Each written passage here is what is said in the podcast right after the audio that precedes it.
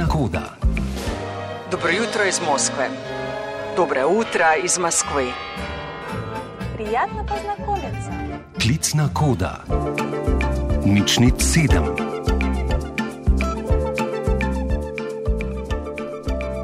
Tako kot vsak ponedeljek ob tem času, tudi tokrat na pot eh, s klicno kodo nič nič sedem smo torej priklicali našo moskovsko dopisnico Vlasto Jeseničnik, ki zdaj voščim dobro jutro.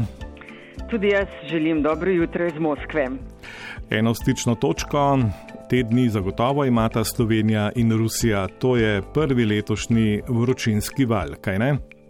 Ja, res je. No, prvi vročinski val, ki je zajel Moskvo in Sankt Peterburg, se tukaj, lahko bi rekla, vse, kar zadeva mene, k sreči končuje. V Moskvi so prejšnji teden namerili rekordnih 34,8 stopinj Celzija, v nekdani carski prestolnici pa se je živo srebro povzpelo še više, do 35,9 stopinj Celzija.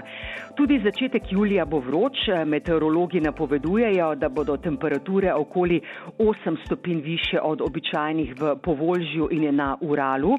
V Jakutiji, ki je sicer najbolj mrzla ruska regija in kjer po zimi povprečna temperatura znaša med minus 40 in minus 50 stopinj Celzija, pa bodo temperature više od 4 do 6 stopinj. Ja, to je kar zanimiva vremenska statistika, ki kaže, kot praviš, na spremembe. Delta različica novega koronavirusa se v Rusiji nezadržno širi. V Moskvi so včeraj zabeležili neslaven črni rekord, namreč koronavirus je vzel več kot 100 življenj v enem dnevu. Ja, žal, žal v, v Rusiji v zadnjih dneh, torej v, bom rekla v zadnjem tednu, govorimo res o žalostnih rekordih, enega si omenil. Število okuženih s koronavirusom nezadržno raste, raste seveda tudi število hospitaliziranih in smrtnih žrtev. Po podatkih operativnega štaba za boj proti koronavirusu je koronavirusna bolezen zahtevala več kot 133 tisoč življenj, medtem ko podatki statističnega urada kažejo, da je zaradi COVID-19 od aprila lani do marca letos umrlo 250 tisoč ljudi. Koronavirusna različica Delta se najhitreje širi prav tukaj v Moskvi in Moskovski regiji ter v drugem največjem mestu Sankt Peterburgu, kjer kljub temu, da beležijo visoko število novih okužb in smrtnih primerov, še vedno organizirajo množične prireditve. V naslednjih dneh v mestu pričakujejo veliko nogometnih navijačev.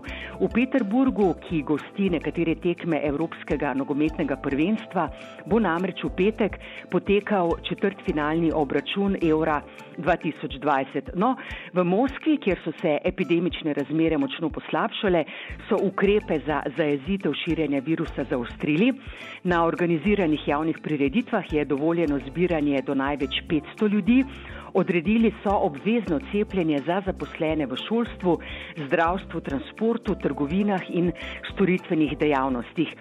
Do polovice avgusta bi se moralo z obema odmerkoma cepiva cepiti 60 odstotkov zaposlenih in delodajalci grozijo z izgubo dohodka in odpuščanje. Moskovski župan povdarja, da je za zaustavitev epidemije potrebno hitro in obsežno cepljenje. No in še ena omejitev se obeta od danes, bodo lahko moskovske restauracije in bare obiskovali samo prebolevniki, cepljeni in testirani. Moskovske oblasti uvajajo digitalno COVID-no potrdilo, s katerim bodo ljudje dokazovali, da so proti COVID-19 cepljeni oziroma da so COVID preboleli. Ali drži, da naj bi bilo za širjenje delta različice novega koronavirusa krivo, kriva tudi nizka precepljenost? Rusi se enostavno nočejo cepiti. Morda statistični podatek. Prvi odmerek cepiva je od decembra lani, ko so začeli s cepljenjem v Rusiji, prejelo le 13 odstotkov prebivalcev. No, to, da se ljudje ne želijo cepiti, je zagotovo eden od razlogov, da se ta delta, ki je tudi sicer bolj nalezljiva, eh, hitro širi. V Rusiji so sicer odobrili tri cepiva, torej Sputnik, Epivak, Korona in Kovivak, ampak ja, ljudje se ne želijo cepiti. V Moskvi je celo potekal prvi protest proti obveznemu cepljenju in rastejo cene ponarejenih potrdil o cepljenju. Tujih cepiv na ruskem trgu ni, med cepivi ni mogoče izbirati in največ ljudi se cepi s Sputnikom. Da bi dosegli čredno imunost, bi morali cepiti 69 milijonov ljudi. Namestnica premijeja Golikova je pred dnevi dejala, da je en odmerek cepiva prejelo 21 milijonov ljudi. Vse več ruskih regij pravzaprav v zadnjih dneh sporoča, da bo cepljenje obvezno. Seveda, širjenje virusa vpliva tudi na načrtovanje dopusta v Krasnodarski regiji.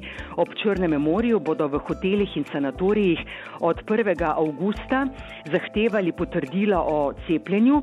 Negativni PCR test ne bo dovolj in turistične agencije opozarjajo, da gre za strok pogoj in da ljudje bodo začeli odpovedovati rezervacije. In to se je tudi že zgodilo.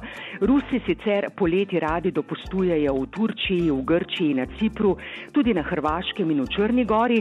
In ko so pred tednom dni vzpostavili čarterske lete s Turčijo, je proti turškem letoviščem v enem dnevu poletelo 44 letal z ruskimi turisti. In um, še ena zelo aktualna vlasta. Danes se začenjajo vojaške vaje Zveze NATO in Ukrajine v Črnem morju. To pa je že skoraj osnova za kakšno epizodo o britanskem tajnem agentu nič nič sedem s podnaslovom iz Rusije z ljubeznijo.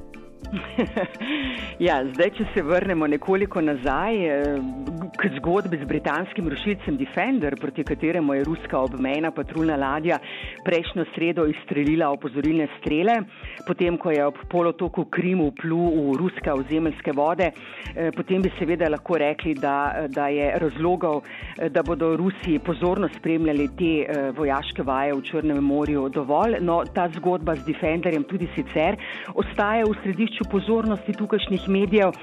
Eden od razlogov je seveda ta, da se danes začenjajo vojaške vaje, v katerih sodeluje 5000 vojakov iz več kot 30 držav, med njimi Italije, Japonske, Norveške, Polske, ZDA, Združenega kraljestva. Zgodba pa je še vedno zanimiva tudi zato, ker je po poročanju britanskega BBC-ja dan pred tem incidentom neznanec na avtobusni postaji v Kentu našel tajne dokumente britanske britanskega obrambnega ministrstva, ki so vsebovali tudi informacije o poti britanskega rušilca, ki je plul iz Odese v pristanišče Batumi v Gruziji. In v teh dokumentih je mogoče med drugim prebrati, da so o možnem odzivu Rusije na plovbo Defenderja blizu Krima razpravljali visoki predstavniki obrambnega ministrstva ki so vedeli, da bi se Rusija na njo lahko odzvala agresivno. In to se je tudi zgodilo. Torej, poleg opozorilnih strelov je rusko vojaško letalo v bližini rušilca vrglo več opozorilnih bomb, kar pa Združeno kraljestvo zanika. V Londonu pravijo, da je njihova vojaška ladja plula v ukrajinskih vodah. Rusi bodo, no to sem že dejala, vojaške vaje pozorno spremljali. Po priključitvi Krima pred sedmimi leti so se odnosi med Moskvo in Zahodom močno zaostrili. Zahod aneksije Krima ne priznava, Rusija pa pogosto opozarja, da se vojaška infrastruktura NATO približuje njenim mejam.